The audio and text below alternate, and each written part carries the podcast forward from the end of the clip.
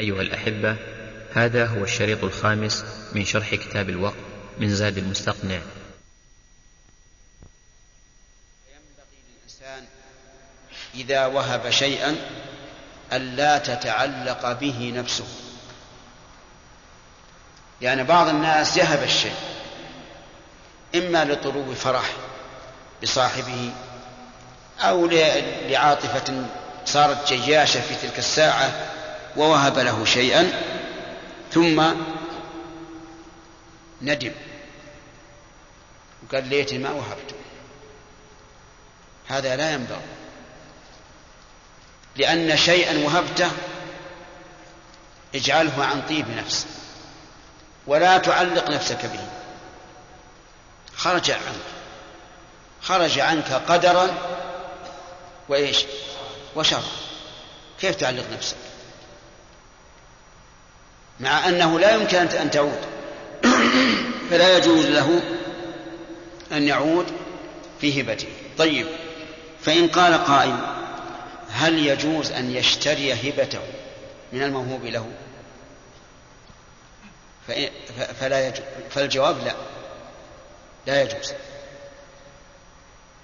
لأن الغالب أنك إذا اشتريت الهبة فسوف ينزل لك هذا الغالب. هو يستحي أن يماكسك لو وهبت له ما يساوي مئة. ثم أردت أن تشتريه منه فإنه سوف يقول يعني لو قلت في ثمانين قال توكل خذ. يعني يخجل أن يقول لا إلا بمئة. وحينئذ تكون قد ها قد رجعت في بعض الهبة لكن بطريق غير مباشر. ولهذا لما حمل أمير المؤمنين عمر رضي الله عنه على فرس له في سبيل الله فأضاعه الذي حمله عليه. وظن عمر أنه يبيعه برخص. استأذن من النبي صلى الله عليه وعلى آله وسلم أن يبيعه أن يشتريه. فقال له لا لا تشتره ولو ولو باعكه بدرهم العائد في هبته كالكلب يقيء ثم يعود في قيء أما إذا كانت صدقة فالأمر أشنع وأشنع. لأنه يكون رجع في هبته يعني قصدي إذا اشترى صدقته فإنه أشنع. لأنه يتضمن شيئين الرجوع في الهبة والرجوع فيما أخرجه لله. وما أخرجه لله لا يجوز فيه الرجوع. حتى البلد إذا هاجر الإنسان منها لله لا يجوز أن يرجع ويسكن فيها لأنه تركها لله وما ترك لله فإنه لا يرجع فيه. قال إلا الأب الدليل على أن الأب يجوز حديث ورد في هذا. لا يجوز لواهب أن أرجع فيما وهبه إلا الأب فإنه يرجع فيما وهبه لابنه. لكن هذا الحديث أعله بعضهم وضعفه وقال إن عموم العائد في هبته كالكلب مقدم على هذا الحديث الضعيف وأن الأب ليس له أن يرجع فيما وهبه لابنه لعموم الحديث العائد في هبته كالكلب يقيء ثم يعود في قيئه لكننا نقول في الجواب عن هذا إن الاستثناء وإن كان ضعيفا فله ما يعضده وهو أن للأب أن يتملك من مال ولده ما شاء فإذا كان له أن يتملك ما شاء فرجوعه فيما وهبه لابنه إيش؟ من باب أولى لا شك قال إلا الأب وقوله إلا الأب يخرج يخرج به الجد فليس له أن يرجع فيما وهب لابن ابنه أو لابن بنته. ويخرج من ذلك الأم.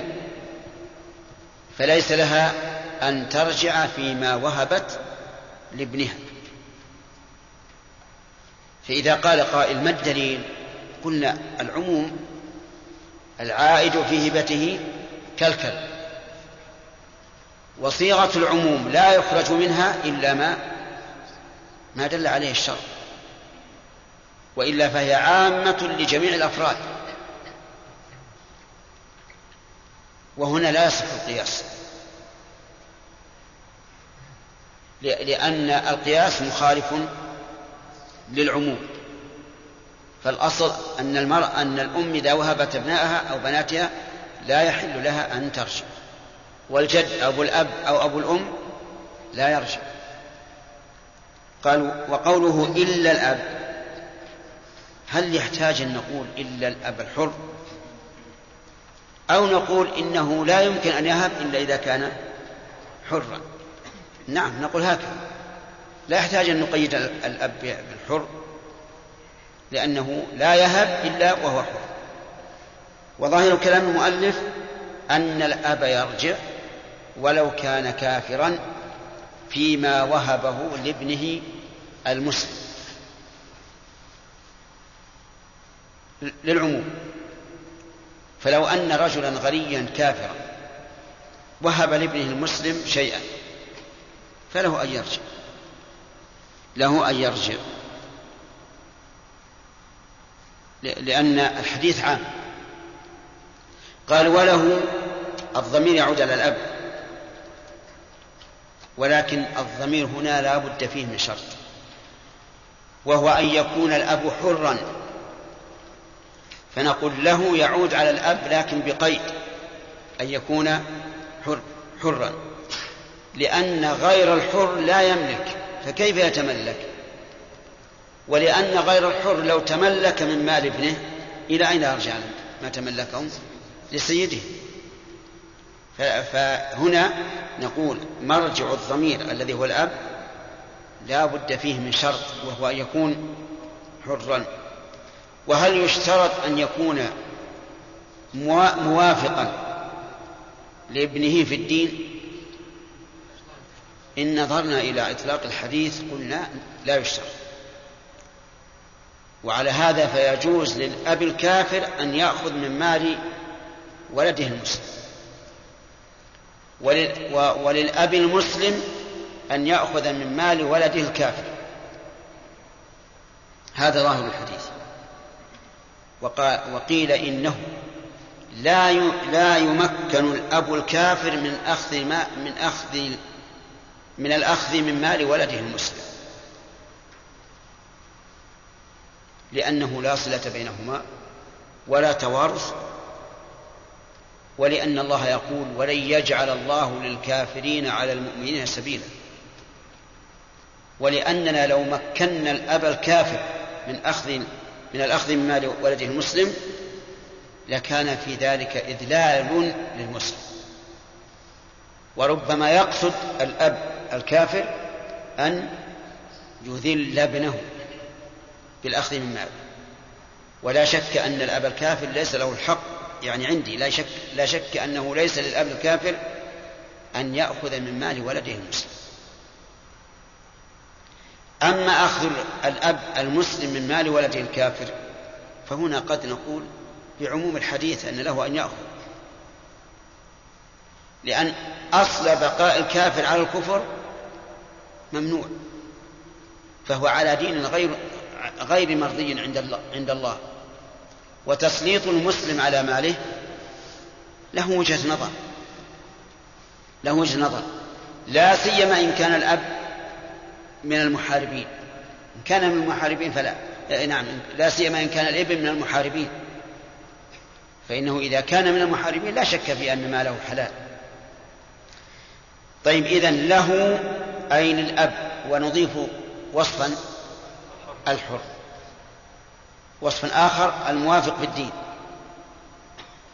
على رأي كثير من العلماء أو على الأصح أن لا يكون كافرا يأخذ من مال مسلم. أن يأخذ ويتملك من مال ولده ما لا يضر. يأخذ ويتملك. هل هناك فرق؟ نعم. يأخذ على سبيل الاستعمال. يتملك على سبيل الضم إلى ملكه. فله أن يأخذ سيارة الابن يمشي يسافر بها إلى مكة إلى الرياض إلى المدينة إلى أي بلد وإن لم يتملكها وله أن يتملك وإن لم يأخذ. فيأتي إلى كاتب العدل مثلا ويقول إني تملكت سيارة ابن فلان ويكتب كاتب العدل. إذا قام الابن قال لا أبدا ولا تملكها. ماذا نقول؟ نقول يملكها لكن بالشروط ستذكر. من مال ولده الذكور والإناث. نعم الذكور والإناث. لأن الولد إذا أطلق يشمل الذكور والإناث. لكن بشروط أول قال ما لا يضر. فإن كان يضر الولد فإنه ليس له أن يأخذ. مثل أن يأخذ منه غداءة وهو محتاج إليه مضطر إليه. فهنا ليس له ذلك. أو يأخذ منه لحافة وهو مضطر إليه لدفع البرد فإنه لا يمكن. لقول النبي صلى الله عليه وعلى آله وسلم ابدأ بنفسك. ولا يمكن أن نسلط الأب على مال الولد مع أنه يضره. ولا يحتاجه الحاجة أقل من الضرورة. فإنه ليس له أن يأخذ ما تتعلق به حاجة الابن. مثال ذلك الابن عنده فرش في البيت. يحتاجها ولكن ليست ضرورة لكن يحتاجها.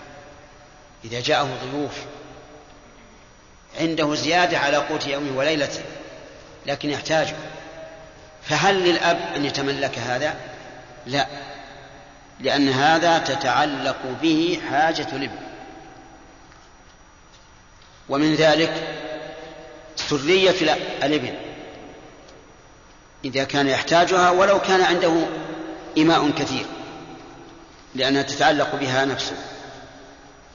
هذا شرط. إذن يشترط أن لا يضر الابن والثاني أن لا يحتاج. و فإن تصرف في ماله ببيع أو عتق أو إبراء لم يصح. إن تصرف الأب بماله أي بمال ابنه. فالضمير تصرف اللي هو الفاعل يعود إلى الأب. وضمير المجرور بماله في قول بماله يعود إلى الابن إن تصرف في ماله. ولو فيما وهبه له. هذه إشارة خلاف. يعني تصرف الأب في مال ابنه ولو فيما وهبه له. فإنه لا يصح تصرف وإنما نص على ما وهبه له. لئلا يقول قائل إن تصرف الأب فيما وهبه لابنه دليل على الرجوع. فيقال لا الرجوع لا بد فيه من قول. وهذا الرجل تصرف بلا قول. مثاله وهب ابنه سيارة. ثم إنه أراد آه ثم إنه باع السيارة بعد أن وهبها لابنه وقبضها باع السيارة الأب. فإنه لا, لا يملك ذلك. لماذا؟ لأن السيارة لم تزل على ملك الابن. ولم يتملكها الآن لم يرجع في هبته. طيب أجرها. تصلح يصلح التأجير؟ لا لأنه لم يتملك. إذا كيف كيف يستطيع أن يبيعها أو يأجرها؟ يرجع في الهبة يقول إني رجعت فيما وهبت وهبته لابني. حينئذ ترجع إلى ملك الأب ويتصرف فيها. قال ولو فيما وهب وقوله له فيما وهبه له هذه إشارة خلاف وهو أن بعض العلماء رحمهم الله يقول إذا تصرف فيما وهبه لابنه فإن تصرفه يدل على الرجوع قاسوا ذلك على رجل وكلك في بيع شيء ثم باعه هو. يصح ولا يصح؟ جماعة وكلت إنسان يبيع سيارة ثم بعتها أنا قبل أن أن أعزله. يصح أو لا؟ يصح. ويكون بيعي إياها رجوعا. فيقال الفرق واضح. لأن الموكل إذا تصرف فيما وكل, فيما وكل فيه فقد تصرف في ملكه. لكن الأب إذا تصرف فيما وهبه لابنه دون أن يرجع فقد تصرف في ملك غيره. قوله آه، في موهبة ببيع أو عتق أو إبراء. البيع معروف. كان لولده سيارة فباعها بدون توكيل الابن فالبيع باطل أو عتق في إيش؟ في إيش؟ عتق إيش؟ في عبد الابن له عبد فقال الأب للعبد أنت عتيق لوجه الله لا يصح العتق ليش؟ الأخ أنت. أنت نعم. لأنه إيش؟ لا ما في هبة هذا. عبد من أصل الابن ملك الابن وهو لم لم يتملكه طيب صح. أو إبراء الإبراء يعني الدين. لابنه دين على شخص. فقال الأب للمدين إني أبرأتك من دين ابني عليك. فإنه لا يبرأ. لا يبرأ لأن الدين لم يت... لم يملكه الابن. فضلا عن الأب. الدين في ذمة المدين. فإذا قال الأب للمدين الذي هو غريم لابنه أنت في حل من الدين فإنه لا يبرأ بذلك. وهذا واضح. هذا أشد من العين التي باعها الأب. أو اعتقها أو أراد أخذه قبل رجوعه أراد أخذه أي أخذ ما وهبه. والضمير هنا يعني فيه ركاكة. لأن لو قرأت المتن أو أراد أخذه أي أخذ ماله قبل رجوعه ولكن المراد أخذه أي أخذ ما وهبه قبل رجوعه. كيف أخذ ما وهبه قبل رجوعه؟ يعني وهب ابنه شيئا. ثم أراد أن يأخذه إلى يضمه إلى إلى ملكه قبل أن يرجع فإنه لا يصح. لماذا؟ لأنه لم يتصرف الرجوع. الرجوع لابد فيه من اللفظ بأن يقول رجعت فيما وهبت لك يا ابني.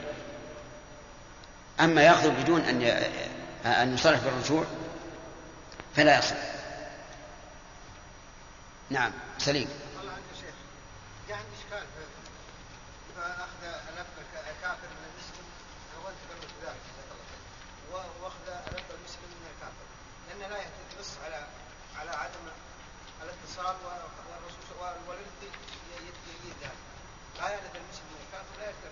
نعم. ولا الله للكافرين على المسلمين نعم. ولكن يا شيخ الكافر إيه. الإشكال اللي عندك هو إشكال عندنا. نحن قلنا الصحيح أن الكافر لا يأخذ من مال ولده مسلم. يعني تقول أنت تختار الأمرين جميعا. رأي لا بأس به؟ طيب. لا.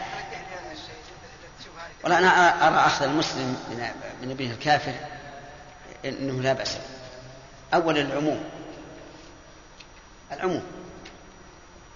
والثاني أن تسلط المسلم على الكافر ليس أمرا مستغربا. إذا كان المسلم يتسلط على مال المسلم كيف لا يتسلط على مال الكافر؟ فكر في الموضوع.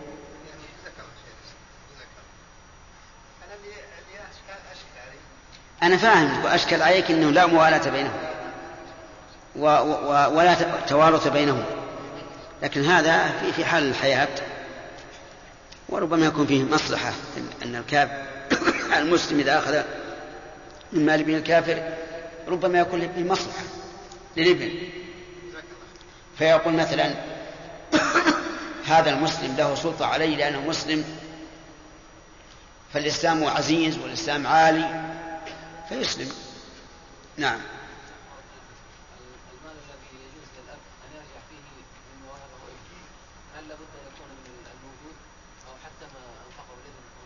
لا لا إذا إذا إذا أنفقه الابن أو باعه أو اعتقه إن كان عبدا سقط حق الأب. نعم. يا شيخ الله. شخص وهب لأخيه ولا لأبيه؟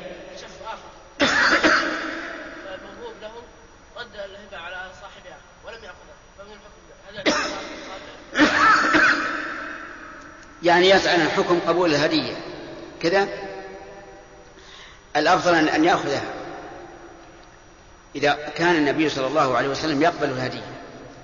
وقال لو أهدي إلي ذراع أو كراع لقبلت. بل قال بعض أهل العلم يجب قبول الهدية إلا إذا خاف من غائلتها. يعني خاف من هذا الرجل يمن عليه أو خاف أنه مثلا أهدى عليه ينتظر أنه يرد عليه أكثر. وأما إذا لم يخف شيء فيجب.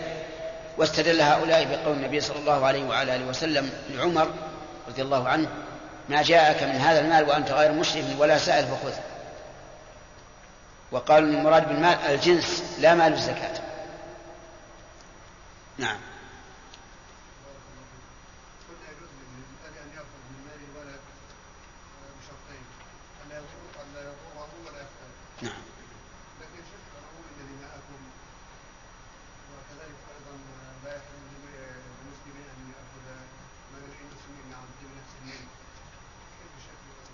الاستثناء.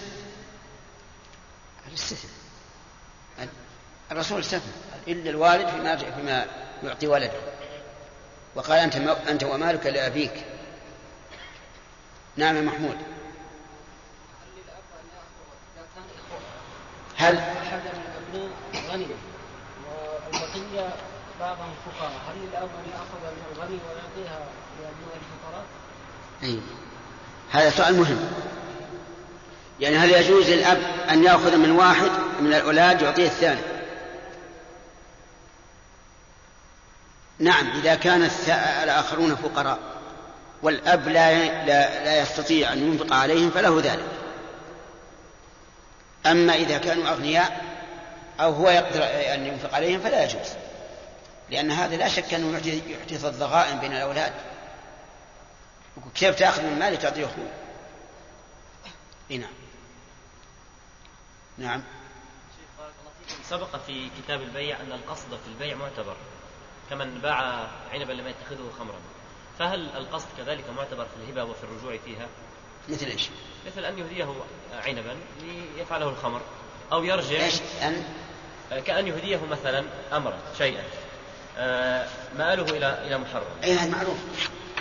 كل شيء مآله المحرم هو حرام. العبرة بالغايات نعم. الحكم في هذا؟ حرام. ولا تصح الهبة نعم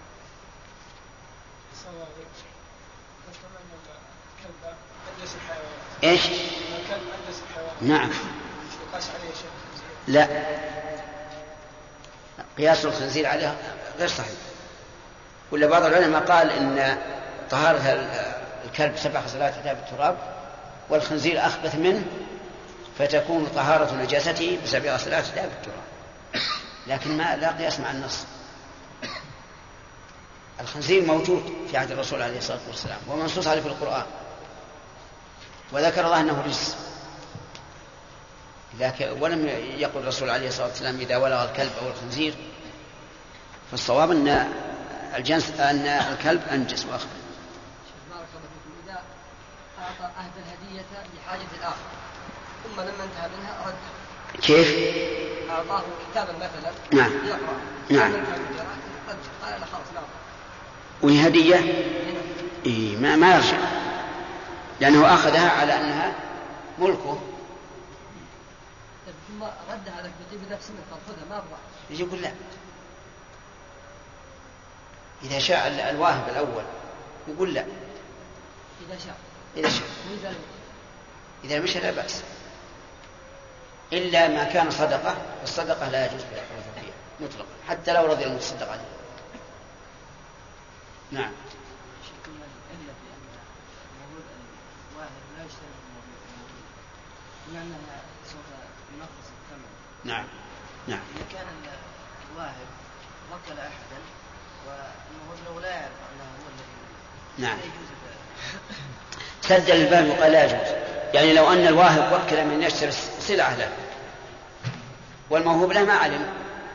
وباع على وكيله فهذا سد للذراع نقول لا, لا يصح. ولده على على أبيه أم يؤثر أبيه على ولده إيش؟ يعني أيهما أولى أن يؤثر الولد يعني أولاده على أبيه أم يؤثر أبيه على أولاده إذا في ضرورة ولا؟ كل منهم محتاج. لا إذا نعم ي- يبدأ بأبيه. ي- يبدأ بأبيه. نعم. نعم. مثل الأب في وجوب نعم. قلنا بأن الأم مثل الأب في وجوب أعد أعد. قلنا بأن الأم مثل الأب في وجوب أن تعدل بين الأولاد في العطاء العطاء. نعم نعم. شيخ لماذا نسوي بينهم كذلك إيش؟ الرجوع؟ نعم. الرجوع قلنا بأن الأم ليس لها ترجع لا ما ترجع. الفرق ال- النص. اتقوا الله واعدلوا بين أولادكم. هذا عام. فهذه لها أولاد والأب له أولاد. وأما الرجوع فالأصل منعه. استثني الأب لدلالة النص عليه. وإن قلنا بأنه العلة البر وكذا. لا لا ما يستطيع ما يستطيع والغالب أن الأب يحتاج. الغالب أن الأب يحتاج إلى النفقة لأنه هو المطالب بها. كما قال عز وجل الرجال قوامون على النساء بما فضل الله بعضهم على بعض وبما أنفقوا من أموالهم.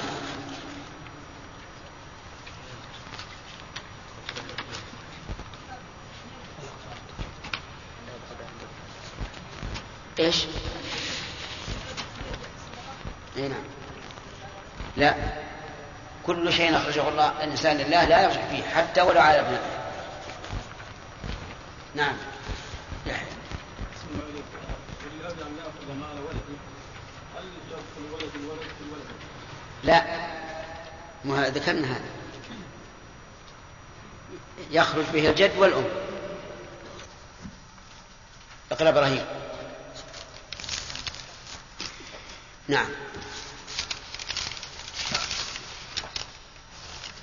وش هذه؟ إيش؟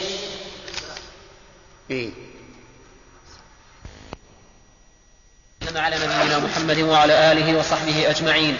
قال المؤلف رحمه الله تعالى فصل في تصرفات المريض من مرضه غير مخوف كوجع ضرس. نعم من مرضه غير مخوف كوجع ضرس وعين وصداع يسير فتصرفه لازم كالصحيح ولو مات منه وإن كان مخوفا كذرسام وذات الجنب ووجع قلب ودوام قيام ورعاف وأول فالج وآخر سل وأول. وأول فالج وآخر سل والحمى المطبقة والربع وما الربع. والربع. وما قال طبيبان مسلمان عدلان إنه مخوف. ومن وقع الطاعون ببلده ومن أخذها الطلق لا يلزم تبرعه. لا يلزم تبرعه لوارث بشيء ولا بما فوق الثلث إلا بإجازة الورثة لها إن مات منه وإن عوفي فكصحيح بسم الله الرحمن الرحيم. الحمد لله رب العالمين وصلى الله وسلم على نبينا محمد وعلى آله وصحبه أجمعين. هل للأب أن يتملك من مال ولده؟ بشروط ولا بغير شروط؟ ما هي؟ ما لم ما لم يكن ما تملكه يضره أو يحتاج الابن يعني الشرط أن لا يضر الابن أو يحتاجه الابن هذا واحد. نعم. فيصل أن يكون ال- الابن حرا. ها؟ أن يكون الأب حرا. طيب. ثالثا أن يكون موافقا له في الدين يعني معناها أن- أنه لا يجوز للمسلم أن يتمل أن يتملك من مال ابنه الكافر إذا أن لا يكون أعلى منه في الدين. طيب فيجوز لل- للأب المسلم أن يتملك من مال ابنه الكافر ولا عكس. طيب آه، هل هناك دليل؟ سعيد. هل هناك دليل؟ ما هو؟ لا لا لا قصدي دليل على التملك.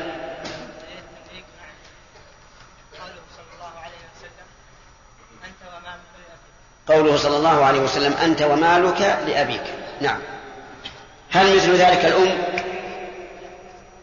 ها. ليست. الدليل؟ النص. ما هو؟ باستثناء إلا الأب. أنت ومالك لأبيك والأصل احترام المال. فلا تنتهك هذه الحرمة إلا بدليل ولم يأتي الدليل إلا بالأب طيب. هل للأب أن يرجع في هبته؟ عبد الله. هل للأب أن يرجع في هبته لابنه؟ له ذلك. الدليل.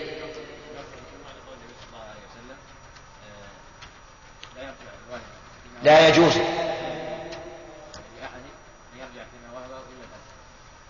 يعني أنت رويته بالمعنى.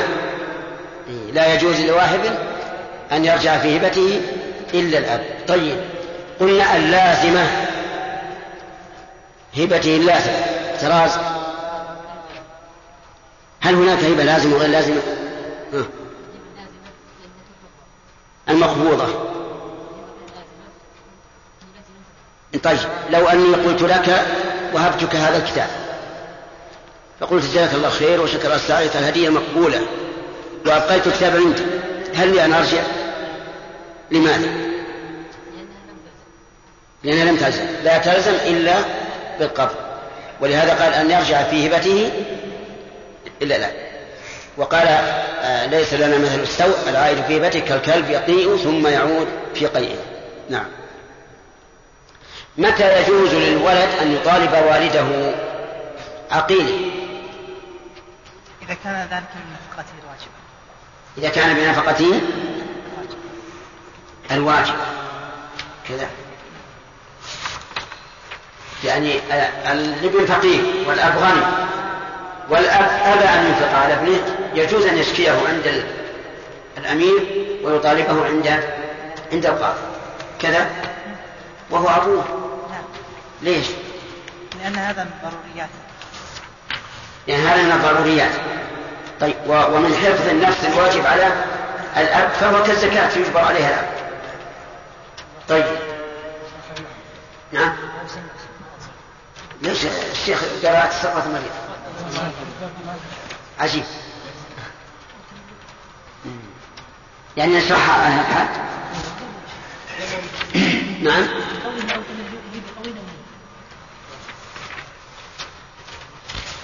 بقول أمنية وقبل المعتبر لا إله إلا الله. طيب نمرها سريعا بدون ما يقول رحمه الله فإن تصرف يعني الأب يعني الأب في ماله ولو فيما وهبه له فإن تصرفه لا يصح. يعني لو أن الأب باع سيارة ابنه التي لا يحتاج إليها الابن فإن بيعه إياها لا يصح. إلا إذا تملكها أولا فله أن يبيعها. التعليل لأنه قبل أن يتملكها فالسيارة في ملك إيش؟ الابن. فنقول الآن أنت تصرفت في ملك ابنك بدون وكالة. والأمر سهل. انوي التملك ثم بيعها.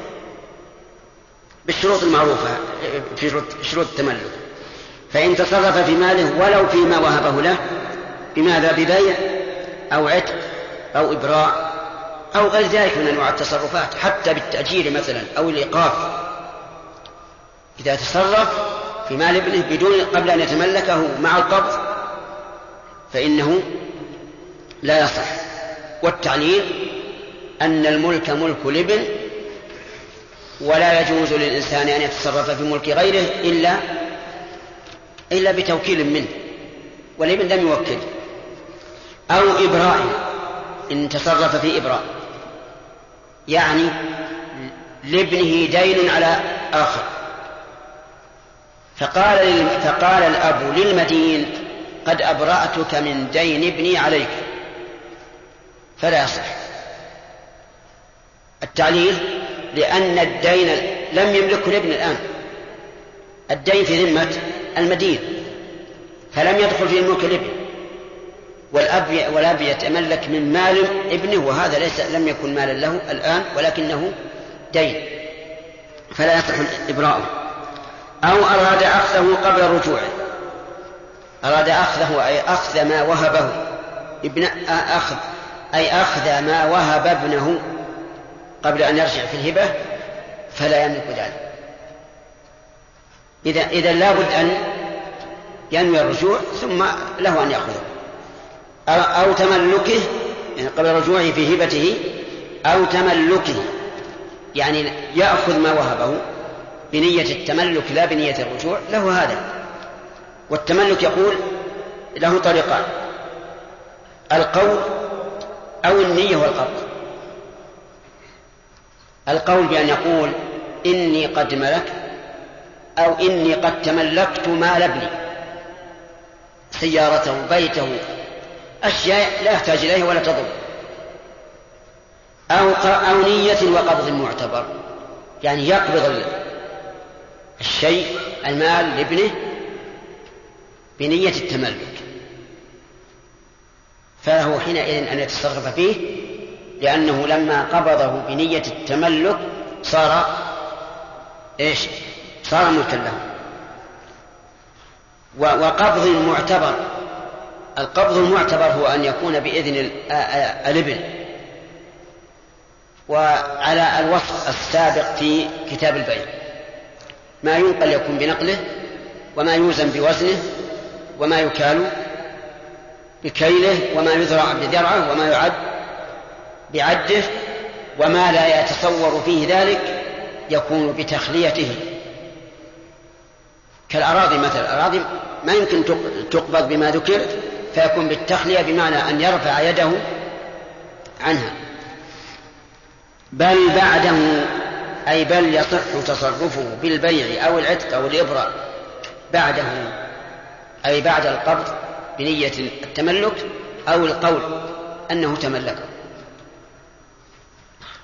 ثم قال وليس للولد مطالبة أبيه بدين ونحوه ليس للولد هذا نفي. يعني لا يملك الولد أن يطالب والده بدين ونحوه. لأنه إذا جاز أن يتملك من ماله فإنه لا يجوز للولد أن يطالبه بدينه. مثال ذلك استقرض الأب من ابنه عشرة آلاف ريال. فليس للولد أن يقول يا أبت أعطني الدين وليس له أن يطالبه لكن له أن يعرض ويقول يا أبت أنا محتاج وأنت مريك قد أغناك الله وما أشبه ذلك. أما أن يطالبه ويرفعه إلى القاضي فلا. وقوله, وقوله ليس للولد مطالبة أبيه. هل يدل ذلك على أن له أن يطالب أمه؟ نعم. له أن يطالب أمه. هذا مفهوم كلام المؤلف والعلماء رحمهم الله. كلامهم له منطوق وله مفهوم. هل له أن يطالب جده من قبل أبيه أو أمه؟ نعم. لا. لأن هؤلاء ليس لهم أن يتملكوا. من مال ولدهم أو ولد ابنهم فله أن يطالبه. ولكن الصحيح أنه لا يملك أن يطالب أمه. لقول النبي صلى الله عليه وسلم وقد سئل من أحق الناس بحسن صحبتي فقال أمك. قال ثم من؟ قال أمك. قال ثم من؟ قال أمك. قال ثم من؟ قال ثم أبوك. وهذا صريح. في أنه إذا كان لا يملك مطالبة أبيه أجيب. فعدم مطالبته أمه من باب أولى. وهل من البر أن يقود أمه عند ركب القضاة؟ أبدا ليس من البر. وهذا مستهجن شرعا وعادة فالصواب أنه لا يملك مطالبة أمه. وليست المبنية وليست المسألة مبنية على التملك. تملك شيء والمطالبة بالدين شيء آخر. وقول مالك رحمه الله والمسألة خلافية أيضا. أصل المسألة في مسألة الأب خلافية. بعض أهل العلم يقول له أن يطالب أباه بالدين. وقوله بدين ونحوه. وش نحو الدين؟ كعرش الجناية مثلا. لنفرض أن أباه جنى عليه جناية توجب المال ولا تقل توجب القود لأنه على المذهب ليس بين الأب وابنه قود لكن توجب المال مثل أن يشجه في رأسه حتى يظهر العظم. وهذه الشجة التي توضح العظم تسمى موضحة فيها خمس من الإبل. هل له أن يطالب أباه بهذه هذه الدية؟ لا. لأن لدخولها تحت قوله ونحوه. كذلك لو أن أباه صدم سيارته سيارة الإبل. يلزمه أرشها أو لا يلزم؟ يلزم أرشه ويكون دينا عليه. فليس له أن يطالب أباه بهذا الدين. وفهم من قوله بدين أن له أن يطالبه بالعين. أن يطالبه بالعين كيف يطالبه بالعين استعار أخوه منه كتابا. ولنقل فتاوى الشيخ الإسلام ابن تيمية. استعارها الأب من ابنه. فقال الأب الابن أعطني الكتاب. أنا محتاج. قال لا. ولم ينوي التملك. إنما التملك جاءت مسألة التملك بشروطها. قال لا. له أن يطالبه. لأن هذا ليس ليس بدين ولكنه عين والمؤلف يقول بدين. فله أن يطالب أباه بتسليم العين الذي أعارها إياه. عند من؟ عند, عند القاضي. يقول هذا عين مال. لكن للأب أن يقول رح وراك. أنا الآن تملكته فإذا قال هذا لا ما ما, ما راح. ننظر للشروط. إذا قال الابن هذا هذا الكتاب تتعلق به حاجتي أحتاجه للقراءة والمطالعة. يمتنع التملك له لأن من شرط تملك الأب لمال ابنه إيش؟ ألا تتعلق به حاجته أو ضرورته. حينئذ يمتنع التملك فله المطالبة. وكل هذا الذي يقوله الفقهاء رحمهم الله بقطع النظر عن مسألة المروءة أو التربية أو حسن المعاملة هم يذكرون أحكام عامة لكن هل من المروءة أن الإنسان يطالب أباه بعين ماله؟ في ظني لا. لكن قد يكون بين الأب والابن مشاحنات وعداوة وبغضاء.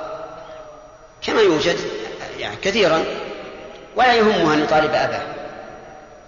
طيب لو استعار الأب قلما لابنه قلم ابنه معتاد على الكتابة به تتعلق به حاجته استعاره منه. فقال الابن يا أبت أعطني القلم. قال لا. فطالبه عند القاضي يجوز ولا ما يجوز؟ الجواب كان لين. نعم يجوز لأنها عين. لأنها عين. ولكن لا أعتقد أن المروءة تقضي بجواز ذلك. أليس هكذا؟ يعني أي إنسان يقال إن فلان طالب أباه عند القاضي من أجل قلم بخمسين ريال مثلا. كل الناس سيعيبونها كل الناس سيعيبونها. وقد قال عبد الله بن مسعود ما رآه المسلمون حسنا فهو عند الله حسن حسن وما رأوه قبيحا فهو عند الله قبيح. وهذه نقطة يجب أن أن ننتبه لها أن كلام الفقهاء رحمهم الله يذكرون الأحكام بقطع النظر عن مسألة إيش؟ التربية والمروءة وما أشبه ذلك. هذا شيء آخر. يقول رحمه الله إلا بنفقة الواجبة عليه. يعني فإن له مطالبته بها وحبسه عليها. إذا امتنع الأب من النفقة الواجبة عليه فللابن أن يطالبه. لأن وجوب النفقة ثابت بأصل الشرع فهو كالزكاة. فإذا جاء الابن الفقير عاجز عن التكفل وليس عنده مال. وقال لأبيه أنفق علي قال لا. ما أنفق. فله أن يطالب أباه بالنفقة وإذا امتنع. أخي الكريم اقلب الشريط من فضلك. عاجز عن التكسب وليس عنده مال. وقال لأبيه أنفق علي قال لا. ما أنفق فله أن يطالب. أباه بالنفقة. وإذا امتنع فللحاكم أن يحكم بحبسه حتى يسلم النفقة. وأعتقد أن هذا العمل من الابن يعني مطالبة أبي أعني مطالبة أبيه بالنفقة لا لا يخالف المروءة لأن الذي خرم المروءة من؟ الأب. كيف لم ينفق؟ فإذا طالب أباه بالنفقة فله ذلك وله حبسه عليه. واضح؟ العلة. لأن النفقة واجبة بأصل الشرع فهي كالزكاة. يجبر الإنسان على بذلها لمستحقه ثم قال المؤلف رحمه الله فصل في تصرفات المريض. لما ذكر الهبة رحمه الله وأحكاما كثيرة تتعلق بها وهي في حال الصحة ذكر الهبة في حال المرض. هل الهبة في حال المرض كالهبة في حال الصحة؟ هنا يكون التفصيل. قال من مرضه غير مخوف. من مرضه غير مخوف. أين السيبوي تفضل. من؟ اسم موصول في محل رفع مبتدا نعم. مرضه مبتدأ ثاني. نعم. غير مخوف خبر المبتدأ الثاني. نعم. المبتدأ الثاني وخبر خبر المبتدأ الأول. يأبى عليك. سيبوي والكسائي نعم. يحيى. نعم.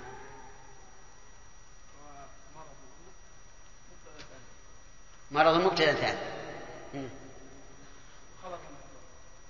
نعم. نعم. يأبى عليك الشيخان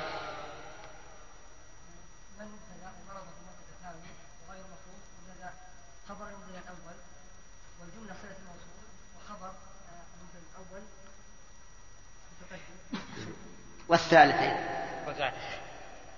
رجعت؟ تقبلون رجوعا نرد عليها ولا ندور غيره؟ نعم. طيب. المبتدا. إيه. مرض. إيه، وش اسم موصول ولا استفهام ولا شرط؟ اسم موصول مبتدا طيب. مرض المبتدا الثاني. نعم. وغير خبر المبتدا الثاني. نعم. والمبتدا الثاني وخبره. صلة الموصول. من؟ خطأ. اي أنت؟ إيه. إيش؟ هذه من؟ مبني على السكون هذا مبتدأ. طيب. نعم.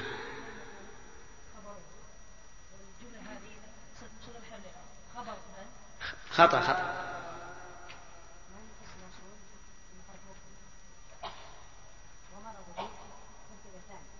نعم.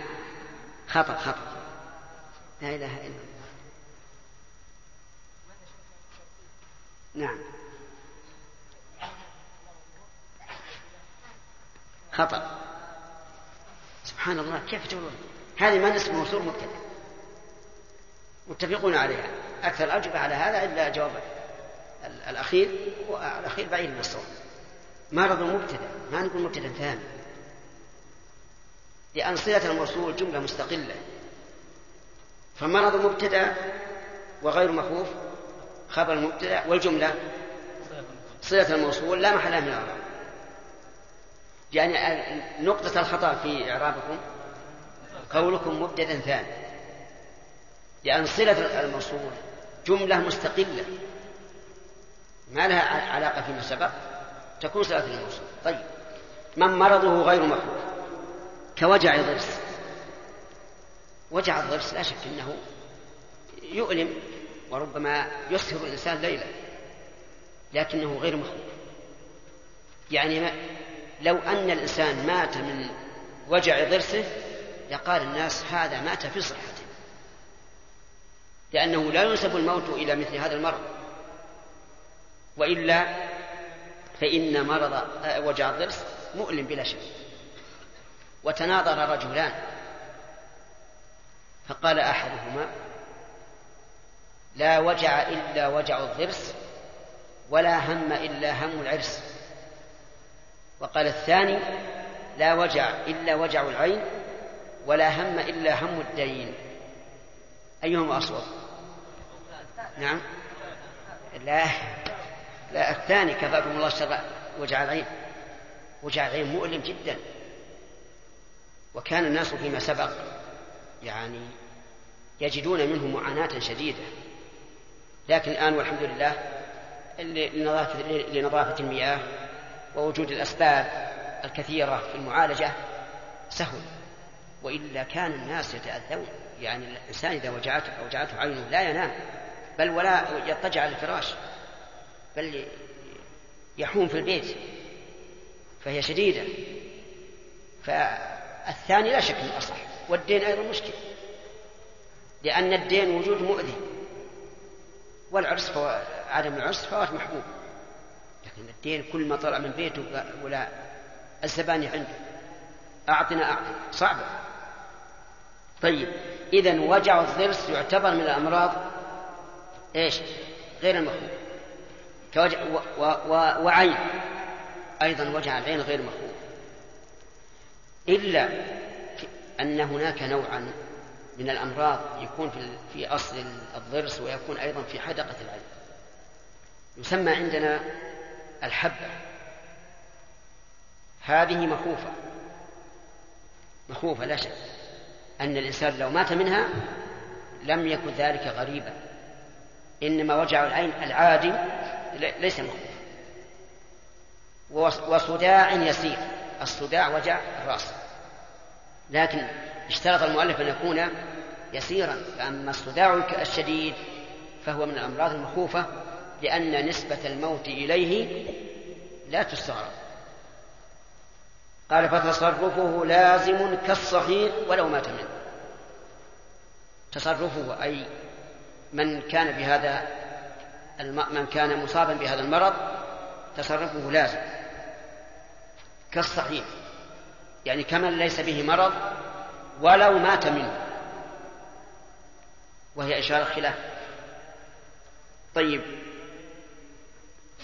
مثال ذلك رجل أصابه وجع في ضرسه فأوقف نصف ماله قال نصف مالي وقف. التصرف صحيح. وهب نصف مال. التصرف صحيح لأن المرض غير مخلوق فهو كالصحيح. وقوله فتصرفه لازم قد يشكل على بعض الطلبة. كيف جاءت الفاء في في الجواب؟ فنقول في إزالة هذا الإشكال أن من التي هي المبتدأ اسم موصول. والاسم الموصول يشبه اسم الشرط في العموم. فلذلك وقعت الفاء في خبره لأن قوله فتصرفه لازم هذه خبر الجملة خبر مبتدأ. ومنه المثال المشهور الذي يأتيني فله درهم. الذي يأتيني فله درهم. الأصل الأصل الذي يأتيني له درهم. لكن لما كان اسم الموصول مشبها لاسم الشرط في العموم جاز دخول الفاء في خبره. قال وإن كان مخوفا إن كان الضمير يعود على المرض مخوفا وهو الذي يصح نسبة الموت إليه. مثاله كبرسام وذات الجنب ووجع قلب ودوام قيام ورعاف وأول فالج وآخر سل والحمى المطبقة والربع وما قال الطبيبان إلى آخره ومن وقع الطاعون ببلده ومن أخذ الطلق عد الآن 12 نوع. عد 12 نوع. البرسام البرسام وجع يكون في الدماغ نسأل الله العافية. يختل به العقل. يختل به العقل فإذا أصاب الإنسان صار مرضه مخوفا. لأنه لو مات به لم يستغرب. ولا يقول الناس هذا مات فجأة. ذات الجنب ذات الجنب هو وجع في الجنب في الضلوع. ويقولون إن سببه أن الرئة تلصق في الضلوع ولصوقها هذا يشل حركتها. فلا يحصل للقلب كمال آآ آآ يعني كمال دفع الدم وغير ذلك من أعماله. فهذه من الأمراض المخوفة. وكان هذا الداء كثيرا فيما سبق. يعني عشنا ذلك كثيرا جدا لا سيما في في استقبال الشتاء. ويصيب الناس. ولكنه سبحان الله يشفى بإذن الله عز وجل بالكي. وأحسن مالها الكي. حتى إن بعض المرضى يغمى عليه ويبقى الأيام والليالي وقد أغمي عليه ثم يأتي الطبيب الطب العربي فيقص أثر الألم في الضلوع ثم يسمها بوسم محل الألم ثم يكويه. إذا كوى سبحان الله لا يمضي ساعة واحدة إلا وقد تنفس المريض. ولذلك لا يوجد علاج فيما سبق.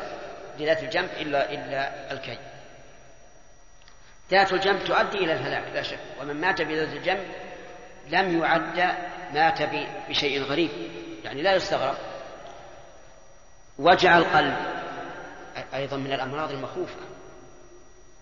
لأن القلب إذا أصابه الألم لم يستطع أن يضخ الدم أو ينقي الدم فيهلك البدن. لأن القلب بإذن الله مصفاة سبحان الذي خلقه يرد إليه الدم مستعملا. وفي نبضة واحدة يعود نقيا فيدخل من عرق من عرق ويخرج من عرق آخر. بهذه اللحظة النبضة هذه هذا معنى ثم إن الله سبحانه وتعالى أودعه قوة إذا احتاج الإنسان إليها وجدت وإن لم يحتاج يحتاج فهو طبيعي. ولذلك إذا حملت شيئا شاقا أو سعيت بشدة تجد نبضات القلب تزيد لأنه يحتاج إلى ضخ بسرعة. إذا وجع القلب فهو خطر على الإنسان لا شك. وأوجاع القلب أنواع متنوعة يعرفها الأطباء لكن منها ما هو؟ قوي ومنها ما دون ذلك. ودوام قيام. القيام هو الإسهال. الإسهال. معروف لكم. إذا كان دائما فلا شك أنه مخوف. لأن لأن الأمعاء مع هذا الإسهال لا يبقى فيها شيء يمتص الجسم منه غذاء. فيهلك الإنسان.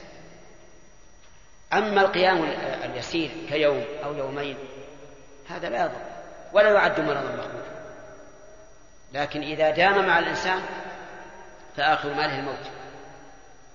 ودوام رعاف. ما هو الرعاف؟ خروج الدم من الأنف.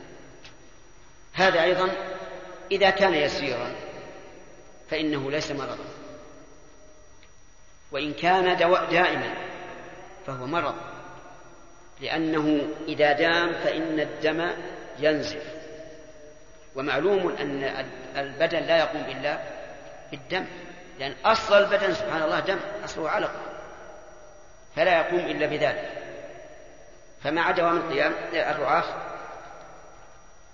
يعتبر المرض مرضا مخوفا.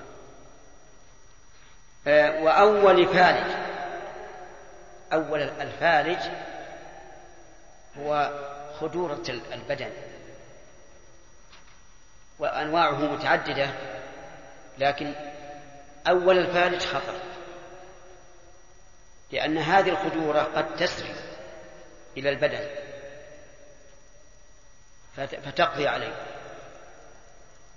أما إذا كان في آخر الفالج فلا. إلا إلا أن يكون إلا أن يقطعه بفراش كما سيأتي. الخطر في الفالج في في أوله. السل الخطر في آخره. لأن أول السل ربما يشفى منه المريض. إما بحمية وإما بمعالجة يسيرة. لكن آخره خطر خطر. مرض مخوف وكذلك أيضا الحمى المطبقة والربع. الحمى المطبقة يعني الدائمة والربع التي تأتي في اليوم الرابع. تتكرر عليه كل يوم أربعة تأتي الحمى. والحمى هي السخونة وهي معروفة. وقد أخبر النبي صلى الله عليه وسلم أن الحمى من فيح جهنم وأنها تطفأ بإيش؟ بالماء البارد. وهذا سبحان الله هذا الطب اليسير السهل قد علم من كلام الرسول عليه الصلاة والسلام منذ أكثر من أربعة عشر قرنا. والأطباء الآن يرجعون إليه. الآن الأطباء يصفون الدواء لمن أصيب بالحمى بهذا حتى إنهم يجعلون بعض المرضى أمام المكيف.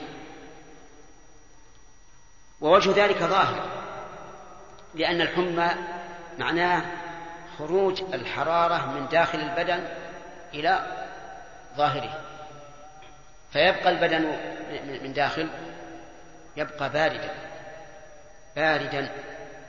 وإذا عدمت البرودة اختل التوازن بلا شك لأن الله سبحانه وتعالى جعل برودة حرارة رطوبة يبوس يقوم بها البدن. إذا غلب أحدها على الآخر اختل اختلت طبيعة البدن فإذا جاء المبرد اضطرت البرودة أن تنتقل من الظاهر إلى الباطن فيتعدل البدن. أظن نقف على هذا كان في أسئلة؟ نعم.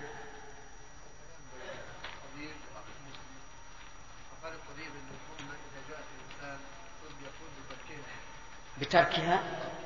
نعم. نعم. وقال الأخ استدل بالحديث لا الرسول قال لا بد أن نبرها نعم. وقال الثالث ممكن أن يقبل هذا على الحمى الحمى الخفيفة الأول والثاني على الحمى الشديده نعم. فكيف؟ والله على كل حال تعارض عندنا الآن قول الرسول عليه الصلاة والسلام مع مع قول غيره فلا نقبل سواه لكن المشكلة في مسألة الماء البارد أو أو القماش البارد إنه ربما يصعب على المريض تحمل لكن نقول اصبر اصبر. والله أنا أنا لا أمشي إلا على الحديث. الحديث مقدم على كل شيء. ولو لم يكن من الحديث إلا أن الإنسان يقوله تصديقا للرسول صلى الله عليه وسلم وهذا يؤثر نفسيا على المريض لا شك. نعم.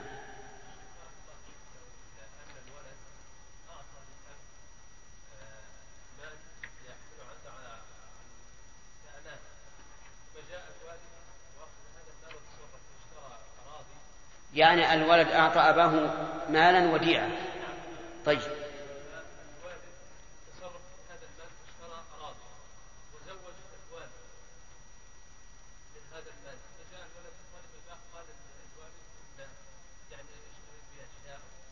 هل هل اشترى بعد التملك أو قبل؟ هو اعطاه وديعة. ما هو تمليك؟ هل الأب حينما اشترى بهذه الدراهم عقارا هل نوى تملك هذا المال ثم اشترى به؟ أنا بعلمك الآن التفصيل. إذا كان قد نوى تملكه ثم اشترى به فهو صحيح. هذا كلام المؤلف. أما إذا كان ما نوى فكما علمتم أن تصرفه في مال ابنه غير صحيح إلا بنية التملك. نعم هل هو خلاف الأولى في حديث لا لا. السبعون لا يكتوون. لا يكتوون. يعني ما يطلبون الكي لكن لو جاء الطبيب وقال أنا أريد أن أكويه فلا بأس. ولا يخرج من من من أوصاف السبعين.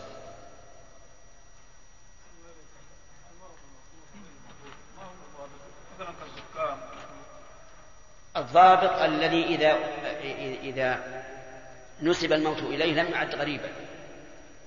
هذا مخوف ولهذا من, أخذها الطلق كما سيأتينا من أمراض المخوفة مع أن الطلق يصيب نساء نساء كثيرات ولا ولا ولا يموتن. يعني فقول بعض الناس إن المرض المخوف ما غلب على الظن موته به هذا غير صحيح. بل يقال المرض المخوف هو الذي إذا نسب الموت إليه لم يعد غريبا. نعم. إذا قال. ألا يمكن؟ إذا قال. إذا قال قائل. نعم. ألا يمكن أن يقال بأن تملك الأم ها؟ تملك الأم نعم. ينفذ أخذا بظاهر الحديث سواء من حق الناس اسم صحابتي وأن حديث أنت ومالك الأبي أنت ومالك لأبيك وقعت عين نعم. ما يستقيم هذا. لأن الأب منته على على الإبن بالمال أكثر من منة الأم. في الإنفاق وغيره فرخص له في الأخذ من مال ابنه مكافأة له على الإنفاق عليه. وهذا في الغالب. لكن المسألة فيها قول. إن الأم والجد لهما أن يتملكا من مال الولد. والله ما هو عندي وجه. ليس عندي وجه. نعم. لكن كما قلت لك ليس له أن يطالب أمه بدين أو نحو. نعم. هل يشترط في تصرف مال ولده علم الولد؟ إيه؟ علمه؟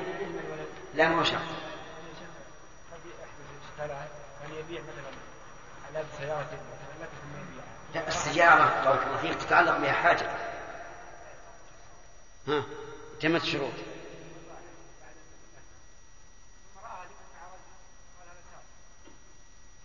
قال هذه سيارتي؟ سهل. يقول باح علي يقول وهذا الاسمار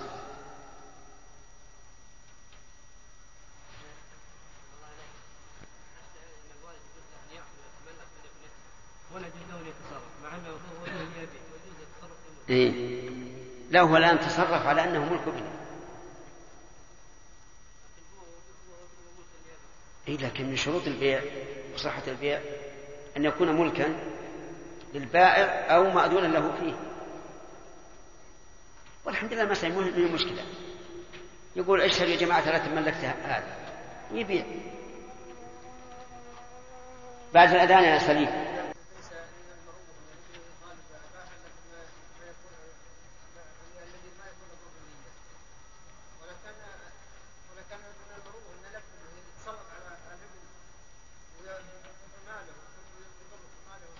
لا لا يضره لا الشرط تملك ال- الأب من مال ابنه لا يضره ولا يحتاج ولا يحتاجه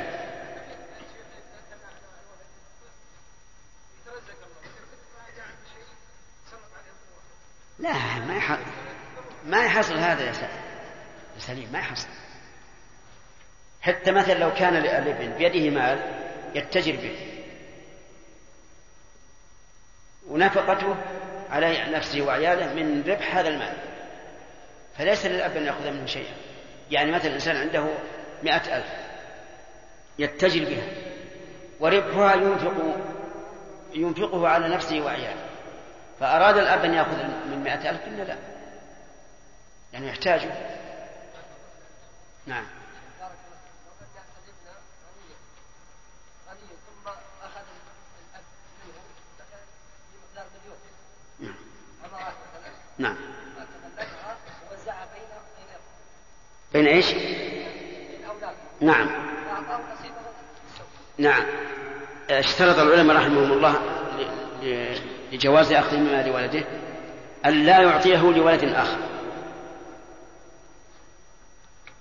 يعني ما يأخذ من زيد ويعطي عمرو وهم عياله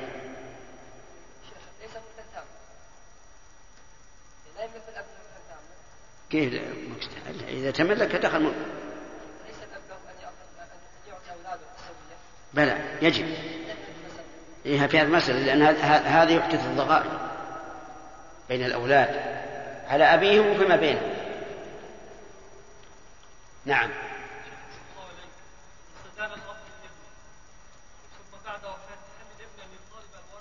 أي نعم نعم. أي نعم له أن يطالبه. وهذا سؤال مهم.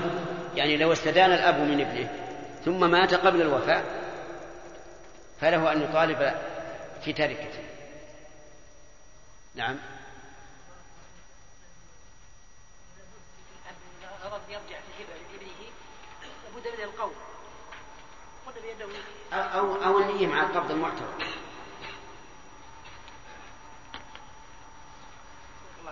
شيخ شيخ بارك الله فيكم إذا كان على الابن دين عند أبيه فهل إذا للأب على ابنه دين. على الابن دين للأب. فهل فهل للأب أن يبرئ الابن وإن لم يبرئ غيره من الأبناء؟ كيف؟ يعني إذا كان للأب دين على ابنه. نعم. أن يبرئ أحدهم دون الآخرين؟ أو يجب التعديل حتى في الإبراء هل هذا من العدل؟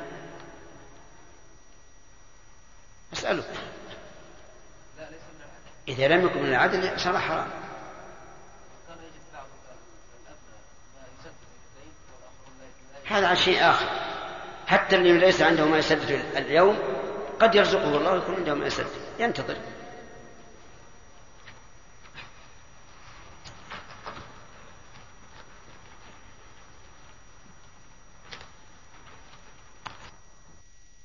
مراجعة؟ لا لا ما, ما كمل بسم الله الرحمن الرحيم قال رحمه الله تعالى وما قال طبيبان مسلمان عبدان أنه مخوف ومن وقع الطاعون ببلده ومن اخذها الصلت لا يلزم تبرعه لوارث بشيء ولا لما ولا بما فوق الثلث إلا في جانب الورث لها إن مات منه. وإن عوفي فكصحيح ومن اشتد مرضه بجذام أو سل أو فارج ولم يقطعه بفراش فمن كل ماله والعكس بالعكس ويعتبر الثلث عند موته بس بس هو الظاهر مثل ما قال الاخ عبد الله ان فيه مراجعة. لأن كملنا فصل. ها؟ لا. العدد الباب ولا الفصل؟ لا. وعلى كل حال لو لو كان كل فصل كان أريح لكم. وهذا ظني إن كل فصل الشيخ اختلف الامر عليه ها. الفصل مره حتى كامل راجع مره لا أنا أنا رأيي من الآن إن شاء الله. كل فصل إلا إذا كان الفصل قصير مثل فصل والوقف على كل لازم سطرين. بسم الله الرحمن الرحيم. الحمد لله رب العالمين وصلى الله وسلم على نبينا محمد وعلى آله وصحبه أجمعين. سبق لنا أن الأمراض ثلاثة أنواع. نعم. هارون. صالح هارون مرض مخوف مرض مخوف غير المثان مسلمان عدلان إنه مخوف انظر الشروط. ما قال طبيبا.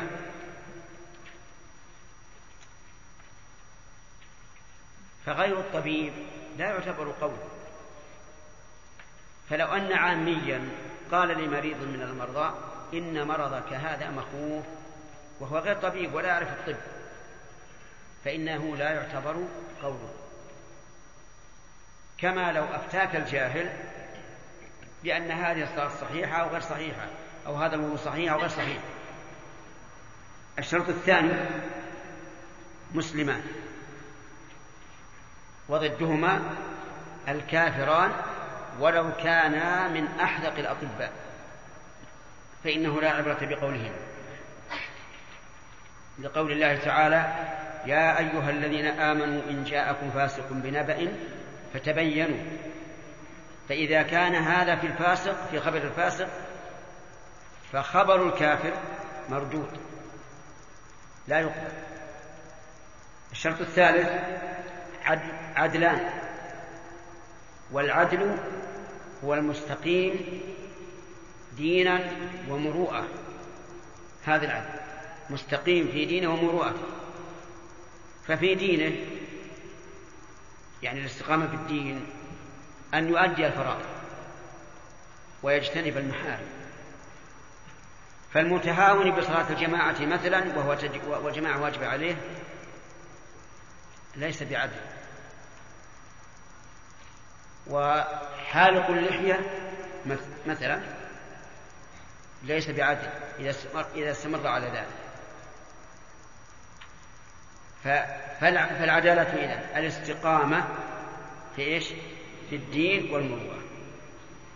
المروءة أن يفعل أو يقول ما يخرم المروءة عند الناس وينزل قيمته عندهم وإن كان الفعل في نفسه ليس محرم وقد ذكر الفقهاء رحمهم الله من الأمثلة الرجل المتمسخر يعني اللي يفعل التمثيليات. سخرية وهزءا فإن هذا خارج من المروءة وذكروا أيضا الذي يأكل في السوق. قالوا هذا ما له مروءة ومعلوم أن هذا المثال في الوقت الحاضر لا ينطبق على ذلك. لماذا؟ لأن الناس اعتادوا أن يأكلوا في السوق الآن. يعني لا أقول الولاء أنه يجعل وليمة ويجيبها في السوق ويأكلها لا لكن جرت في المطاعم مثلا مطعم في السوق يأكل الإنسان فيه. كنا نستنكر أن أن يشرب الشاهي في دكان. ونرى هذا خارج من المروءة الآن عجيب يا جماعة. ليس بخارج من المروءة يشربون الشاي والقهوة. في الدكاكين. قالوا ومن مما يخلو المروءة أن يمد الإنسان رجله بين الجالسين. إذا مد رجله بين الجالسين فهو فهذا الفعل خارج من المروءة لأنه من العادة أن الإنسان يوقر جلسائه وأن لا يمد رجليه بينهم. ولكن هذا في الحقيقة يختلف. إذا كان الإنسان معذورا وعرف الجالسون أنه معذور فإن ذلك لا يعد خرما للمروءة لأنهم يعذرون. أو كان الرجل استأذن منه وقال إذنوا لي ففعل فليس خارج من الموضوع أو كان الإنسان بين أصحابه وقرنائه ففعل ومد رجله بينهم وهم جلوس فهذا لا يعد خارج من الموضوع ومن الأمثال العامية عند الأصحاب تسقط الأداء. نعم. على كل حال الضابط في استعمال المروءة ألا يفعل ما ينتقده الناس فيه لا من قول ولا من فعل.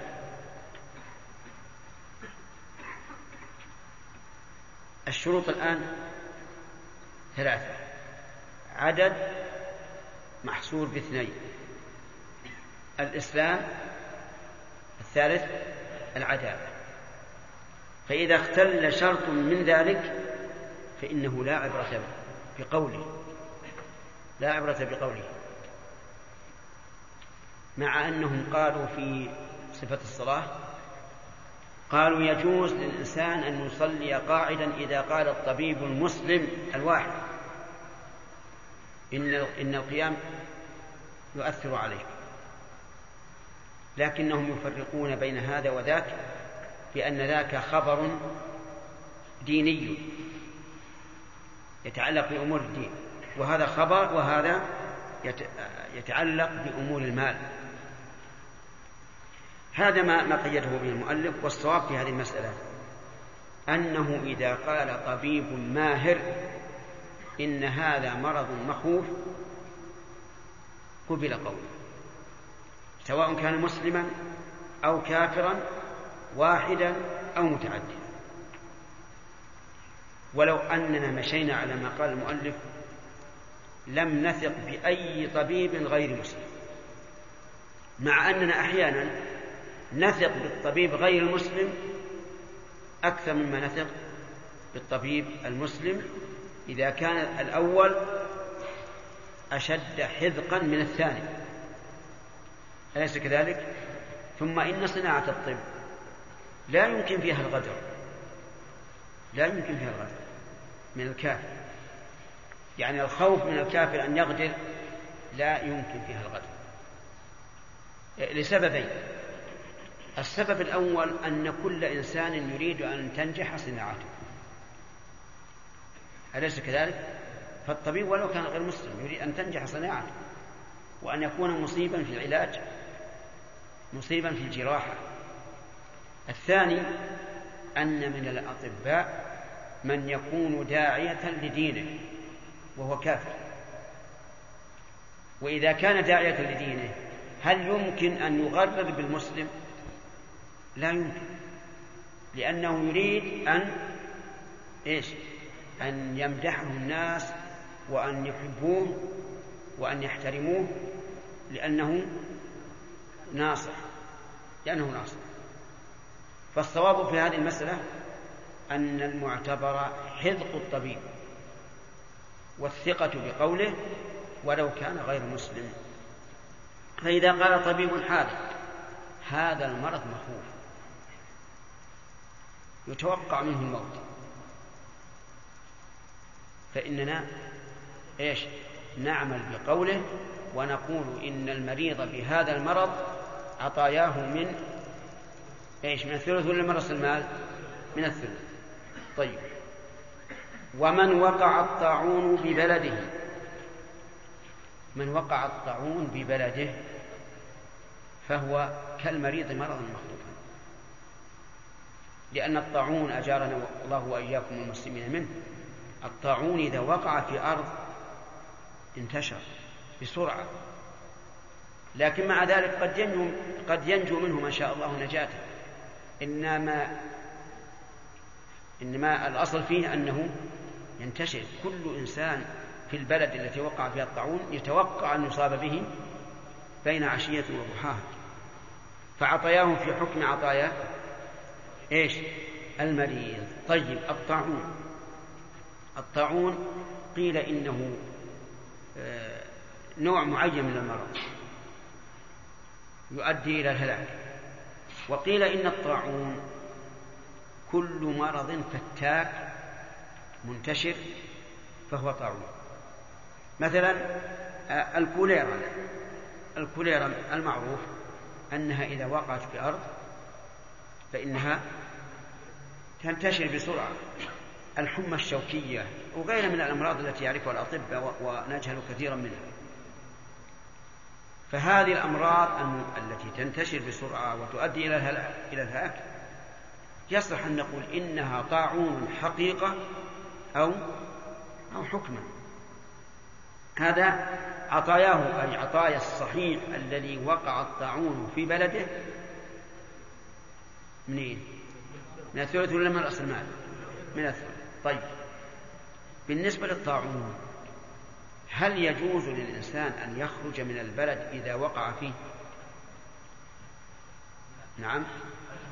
قال النبي صلى الله عليه وسلم لا تخرجوا منه أي من البلد الذي وقع فيه فرارا منه. فرارا منه. فقيد النبي صلى الله عليه وسلم منع الخروج بما إذا كان فرارا. أما إذا كان الإنسان له غرض جاء لهذا البلد لتجارة وانتهت تجارته وأراد يرجع إلى بلده فلا نقول هذا حرام عليك. لا نقول هذا نقول لك أن تذهب. بقي علينا. هل نأذن له أن يذهب إذا خيف أن أن أن الوباء أصابه؟ أجيب. ها؟ لا. نعم. نمنعه. حتى إن بعض الأطباء ظن أن قول الرسول عليه الصلاة والسلام إذا وقع في أرض وأنتم فيها فلا تخرجوا منه ظن أن هذا من باب الحجر الصحي. وقال إن مراد الرسول صلى الله عليه وعلى آله وسلم أن لا يخرج الناس من هذه الأرض الموبوءة كحجر صحي ولكن هذا غير صحيح. إن النبي صلى الله عليه وسلم راعى ما هو أعم وأهم وهو الفرار من قدر الله. الفرار من قدر الله. قال لا تخرجوا منها فرارا منه. طيب إذا سمع الإنسان أنه وقع في أرض هل يجوز أن يقدم عليها؟ لا. لأن النبي صلى الله عليه وسلم قال إذا سمعتم به في أرض فلا تقدموا عليه. لأن هذا من باب من باب الإلقاء بالتهلكة ومن باب قوله تعالى ولا تقتلوا أنفسكم. كيف تقدم على بلد وقع فيه الطاعون؟ ما مثلك إلا مثل من أقدم على النار ليقتحم فيها. فإن قال أليس يمكن أن يسلم الإنسان وهو في بلد الطاعون؟ قلنا بلى. لكن ما الأصل؟ الأصل الإصابة. الأصل الإصابة فلا يجوز أن تقدم آه، ارتحل أمير المؤمنين عمر بن الخطاب رضي الله عنه إلى الشام. وفي أثناء الطريق قيل له إنه قد وقع فيها الطاعون وهو طاعون عظيم. مات فيه خلق كثير في أثناء الطريق عمر رضي الله عنه ليس عنده أثر عن النبي صلى الله عليه وسلم في ذلك. لكنه عنده عقل. كأنه قال كيف نقدم على أرض فيها هذا الوباء؟ المعدي الفتاك. وكان من عادته رضي الله عنه أنه إذا أشكل عليه الأمر يجمع الصحابة ويستشيرهم جمع الصحابة واختلفوا. ثم جمع المهاجرين ثم الأولين من المهاجرين. وكان الرأي الذي استقر عليه رأي المهاجرين الأولين أن يرجعوا وقال يا أمير المؤمنين معك معك المجاهدون معك المسلمون كيف تقدم إلى هذه الأرض؟ ارجع. فقرر الرجوع. قرر الرجوع. بمشورة الصحابة رضي الله عنهم. وأمر بالارتحال فجاءه أبو عبيدة عامر بن الجراح الذي قال فيه النبي صلى الله عليه وعلى آله وسلم إنه أمين هذه الأمة. وقال في عمر حين طعن قال لو كان أبو عبيدة حيا لجعلته خليفة. لأن الرسول قال هو أمين هذه الأمة؟ قال يا أمير المؤمنين. كيف تقرر الرحيل؟ أفرارا من قدر الله. خفي على أبي على أبي عبيدة رضي الله عنه بأن القدر لم يقع حتى نفر منه. لكن لو لو أقدموا لكانوا هم الذين جاءوا للقدر. فخفي عليه وقال أفرارا من قدر الله. قال لو لو غيرك قالها يا أبا عبيدة. يعني أتمنى أن غيرك قاله. لأن منزلة أبي عبيدة عند أمير المؤمنين عمر منزلة عالية نحن نفر من قدر الله إلى قدر الله. من قدر الله الذي نلقي بأيدينا التهلكة لو قدمنا عليه إلى قدر الله الذي نسلم به. وهذا واضح. إن, إن مضوا إلى الشام بقدر الله وإن رجعوا بقدر الله. ثم ضرب له مثلا. أن لو كان له إبل في واد له عدوتان عدوتان واحدة مخصبة والثاني مجدبة إلى أين يذهب؟ ها؟ إلى المخصب. فقال له أما تذهب إلى المخصبة؟ قال قال إذا إن, إن ذهبت إلى المخصبة فبقدر الله. وإلى المجدبة فبقدر الله لكن لن تختار المجدبة. إذا نحن كذلك لا نختار القدوم على على الطاعون على أرض الطاعون. فرجعوا والحمد لله ووفقوا للصواب. في أثناء ذلك أتى عبد الرحمن بن عوف رضي الله عنه وكان قد تغيب في حاجة الله. فبلغه الخبر جاء إلى عمر قال يا أمير المؤمنين سمعت النبي صلى الله عليه وعلى آله وسلم يقول إذا سمعتم به إذا وقع الطاعون في أرض فلا تقدموا عليها فرارا منه. وإذا سمعتم به فأيضا اللفظ الآخر لا تقدموا عليه. فقال الحمد لله. شوف الآن كل الصحابة ما سمعوا هذا الحديث إلا عبد الرحمن بن عوف. لكن الحمد لله الشريعة محفوظة.